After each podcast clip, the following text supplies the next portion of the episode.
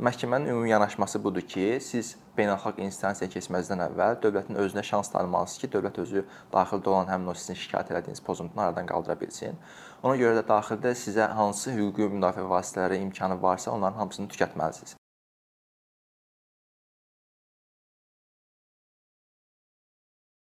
Son 60 il ərzində Avropa məhkəməsi milyonlarla insan üçün son ümid yerinə çevrilib.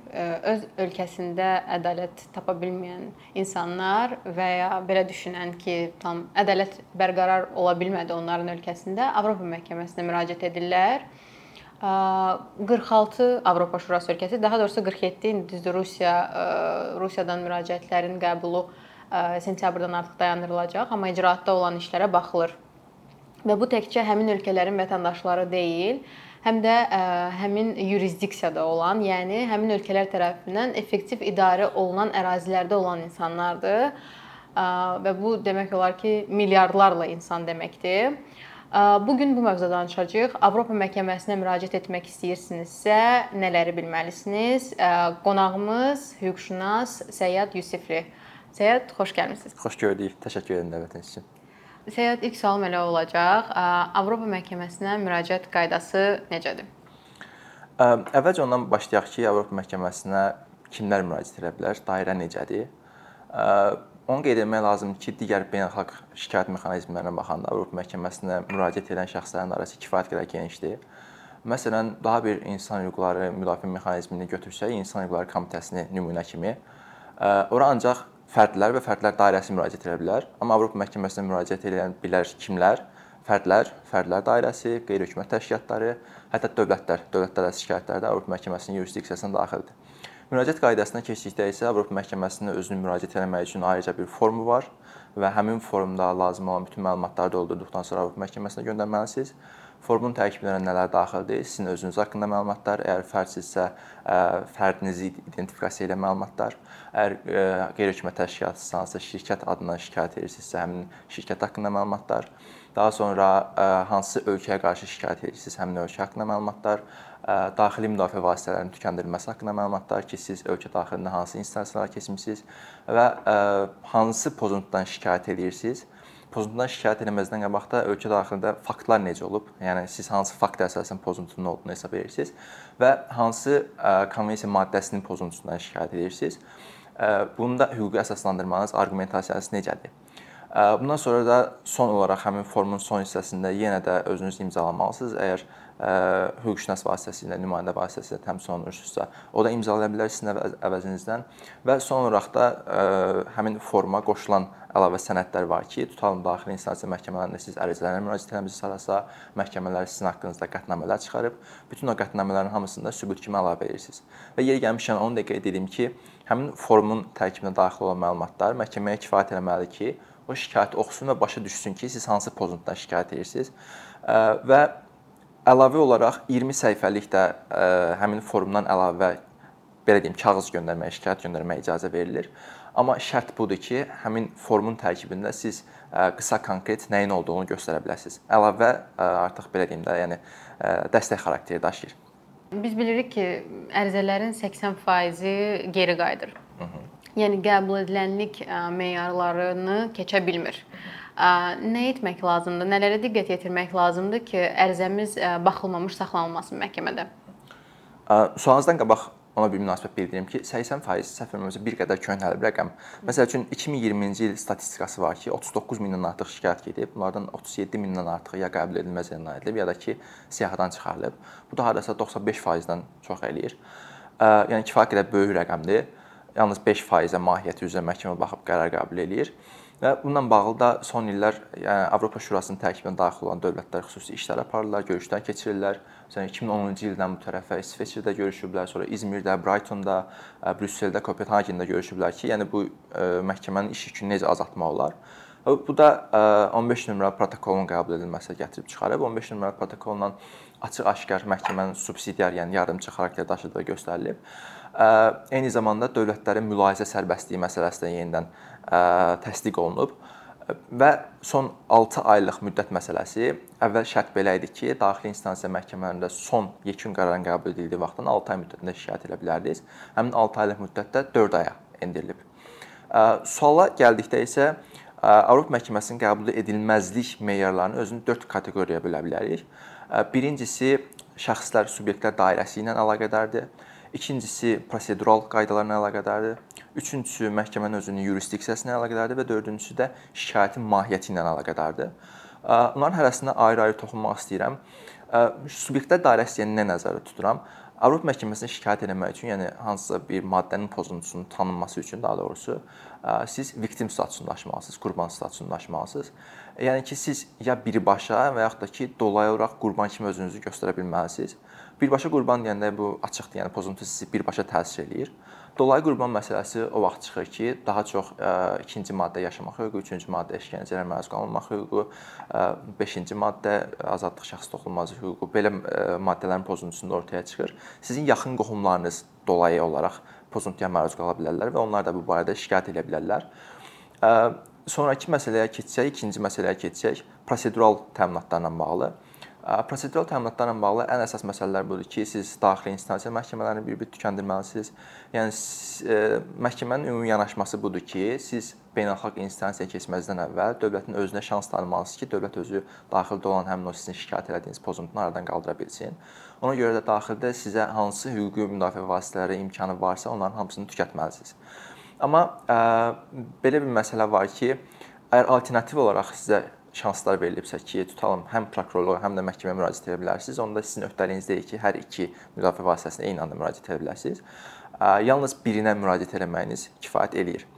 Daha sonra zaman müddət məsələsi dediyimiz kimi əvvəl 6 ay idi, sonra 4 ay müddətinə düşdü və onun da hesablanması forması necədir? Son məhkəmə qərarının sizə təqdim edildiyi və yaxud da elan edildiyi yandan, yəni siz artıq qərardan xəbərdarsınız və bilirsiniz ki, daxildə artıq bunu heç cür mübahisələndirmək olmaz.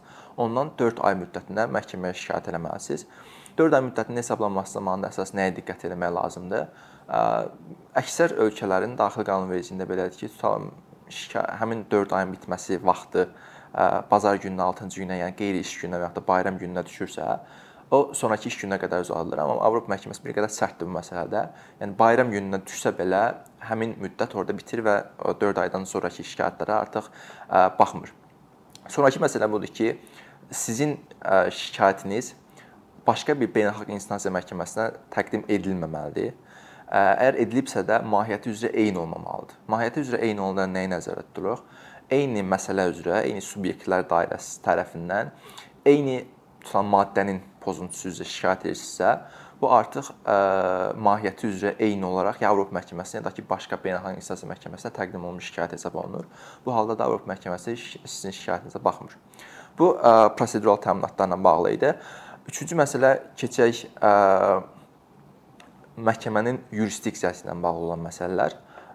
Onu da özünü 4 yerə bölə bilərik. Yenə birincisi buna latınca termin olaraq rationa personae deyirlər ki, ə, siz əgər şikayət edirsinizsə pozuntudan, həmin şikayət şikayət etdiyiniz dövlətə aid edilə bilməlidir. Yəni ki, burada şikayət baxanda, oxuyanda hiss olmalı ki, bu şikayəti tutan dövlət, yəni maddəni dövlət pozub. Hansı maddədən şikayət edirsən, maddəni dövlət pozub. Tam hansısa bir individual fərdin hərəkətindən şikayət edirsə və yaxud da ki, hansısa bir qeyri-hökumət təşkilatının və yaxud da hansısa bir beynəlxalq təşkilatın hərəkətindən şikayət edirsə, şikayətiniz qəbul edilməz elan olunacaq. İkincisi e, rational lock deyirlər buna. E, yəni şikayət etdiyiniz e, pozuntu məhkəmənin üzr istəyirəm, dövlətin yurisdiksiyası məkanı çərçivəsində baş verməlidir. Amma buna da bir qədər ehtiyatlı davranmaq lazımdır məsələdə. Çünki elə hallar olur ki, dövlətin ərazisindən kənarda olan şikayətlərə belə məhkəmə baxa bilər. Tutalım dövlətin bir diplomatik missiyası var ölkə ölkənin xaricində hansısa bir dövlətin tərkibində və yaxud da ki, hərbi missiya həyata keçirir. Əgər hərbiçilər sizin üzərində üzərinizdə effektiv nəzarətə malikdirsə və yaxud da ki, diplomatik missiyanın nümayəndələri sizin hüquqlarınızı pozursa, bu da həmin dövlətin yurisdiksiyası ərazisinə düşür və məhkəmə həmin işlərə baxır. Sonrakı məsələ rational temporis məsələsidir, zaman məsələsi. Əsas yanaşma budur ki, məhkəmə dövlətə qarşı şikayətə o vaxt baxır ki, yuris məhkəmənin yurisdiksiyasının tanınmasından sonrakı dövrə aid olsun. Tutalım Azərbaycandan nümunə versək, Azərbaycan 2002-ci ilin aprel ayından etibarən bu konvensiyanı ratifikasiya eləyib. Məhkəmə 2002-ci il aprel ayının 15-dən əvvəl olan pozuntulara baxmır. O vaxt baxır ki, 2002-ci ilin aprelin 15-dən əvvəl başlasın, amma hələ də davam eləsin. Yəni nəticələri özünü göstərsin. Bu vaxt baxa bilər. Və son olaraq da Rusiyanın material dediyimiz konvensiyanın maddələri ilə bağlı olan məsələdir. Yəni məhkəmə özü konvensiya ilə yaradılmış bir qurumdur və konvensiyanın maddələrinin düzgün əməl olunmasına belə deyək, nəzarət eləyir və sizin şikayətiniz konvensiyanın hansısa bir maddəsinin əhatə dairəsində düşmürsə və yaxud da ki, onun protokolunda göstərilən hansısa bir maddənin əhatə dairəsində düşmürsə, məhkəmə sizin şikayətinizə baxmır. Və son olaraq da ən sonuncu şikayətin mahiyyəti ilə bağlı qəbul edilməzlik meyarları var ki, əgər sizin şikayətiniz açıq-aşkar əsassız hesab olunursa, o vaxt da məhkəmə şikayətə baxmır. Açıq-aşkar əsassızın bir qədər meyarları fərqlidir, çox genişdir. Məsələn, 4-cü instansiya deyilən bir konsepsiya var. Əgər 4-cü instansiyaya düşürsə, məhkəmə sizin şikayətinizə baxmır. Və yaxud da ki, əgər kifayət qədər əsaslandırmamısınızsa, sübutlar göstərməmisinizsə, məhkəmə sizin şikayətinizə baxmır. Yəni açıq-aşkar əgər məhkəmə sizin şikayətinizi qəbul edilməz elan edirsə, bu zaman da sizin şikayətinizə baxmır.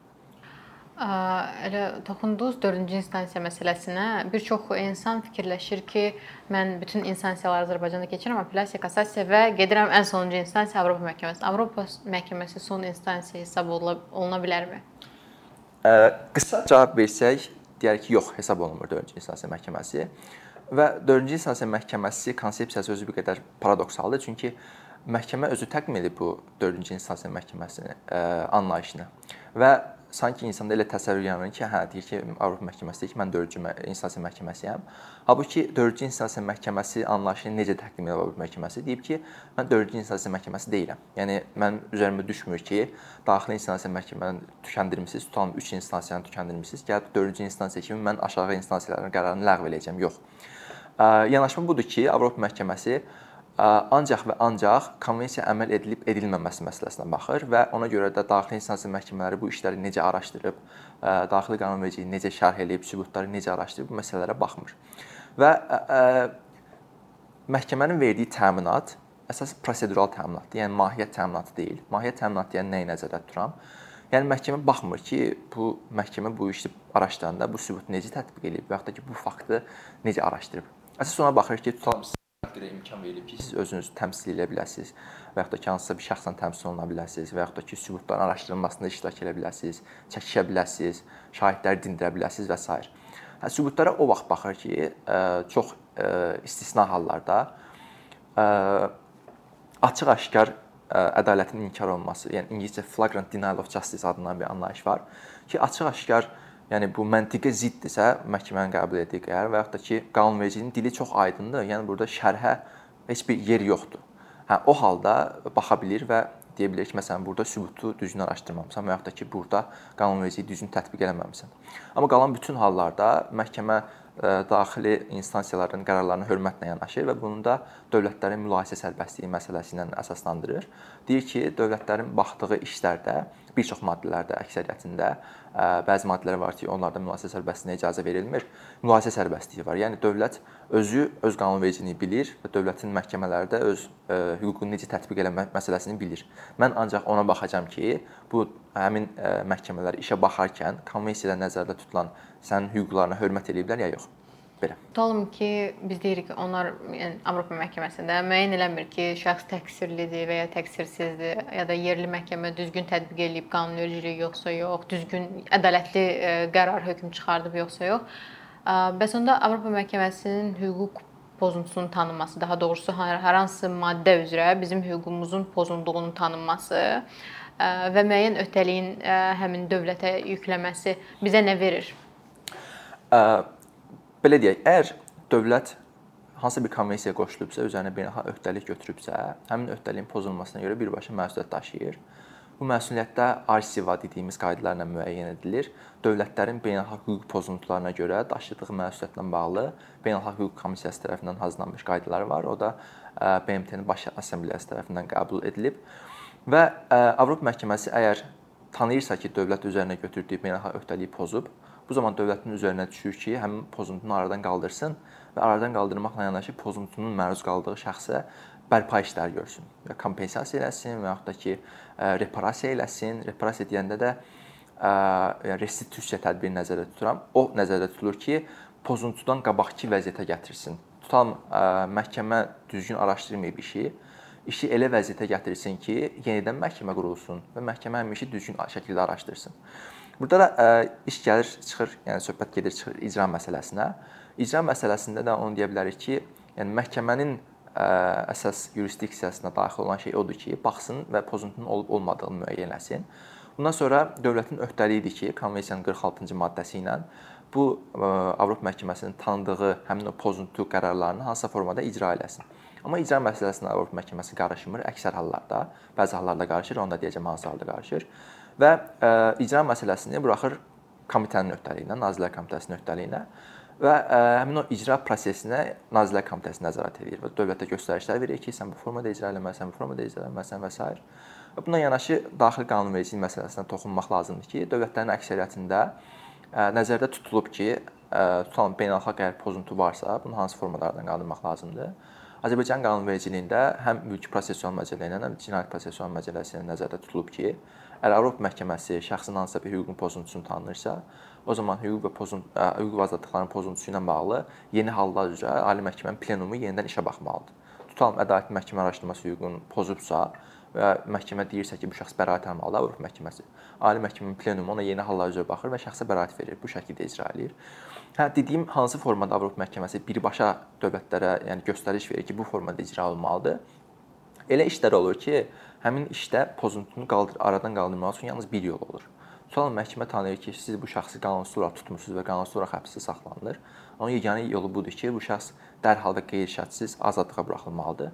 Hə, o zaman dövlətə birbaşa göstəriş verir ki, sən bunu e, icra eləməlisən. Yəni Nazirlər Komitəsinin dediyi deməli fərqi yoxdur. Yəni məhkəmə deyir ki, sən bu şəxsi azadlığa buraxmalısan. Məsələn, nümunə vermək olar. Tam Selahattin Demirtaş Türkiyə siyasətçisi, onun Türkiyə qarşı işində və hətta ki, Azərbaycana qarşı işlərdə, Eynullah Fəthullayev Azərbaycana qarşı işlərdə məhkəmə demişdi ki, sən bu şəxsi qanunsuz azadlıqdan məhrum etməlisən, ona görə e, eləmisən, ona görə də dərhal azadlığa buraxmalısan. Belə. Avropa məhkəməsinə müraciətlə bağlı ə, e, hansı məsləhətlər verə bilərsiniz ki, yəni mən planlaşdırıram gələcəkdə bunu etməyi, nələrə diqqət yetirim? Ə, Ən birinci onu məsləhət görərdim ki, hüquqşünasla təmsil olunasınız mütləq. Çünki dediyim kimi qəbul edilməzlik meyarlarını artıq son illər Avropa məhkəməsi çox sərt tətbiq eləyir və 95%-dən çox şikayətlər qəbul edilməz elan olunur.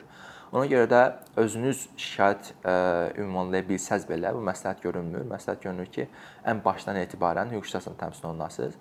Yeri gəlmişkən bir qədər genişləndirir bu məsələni.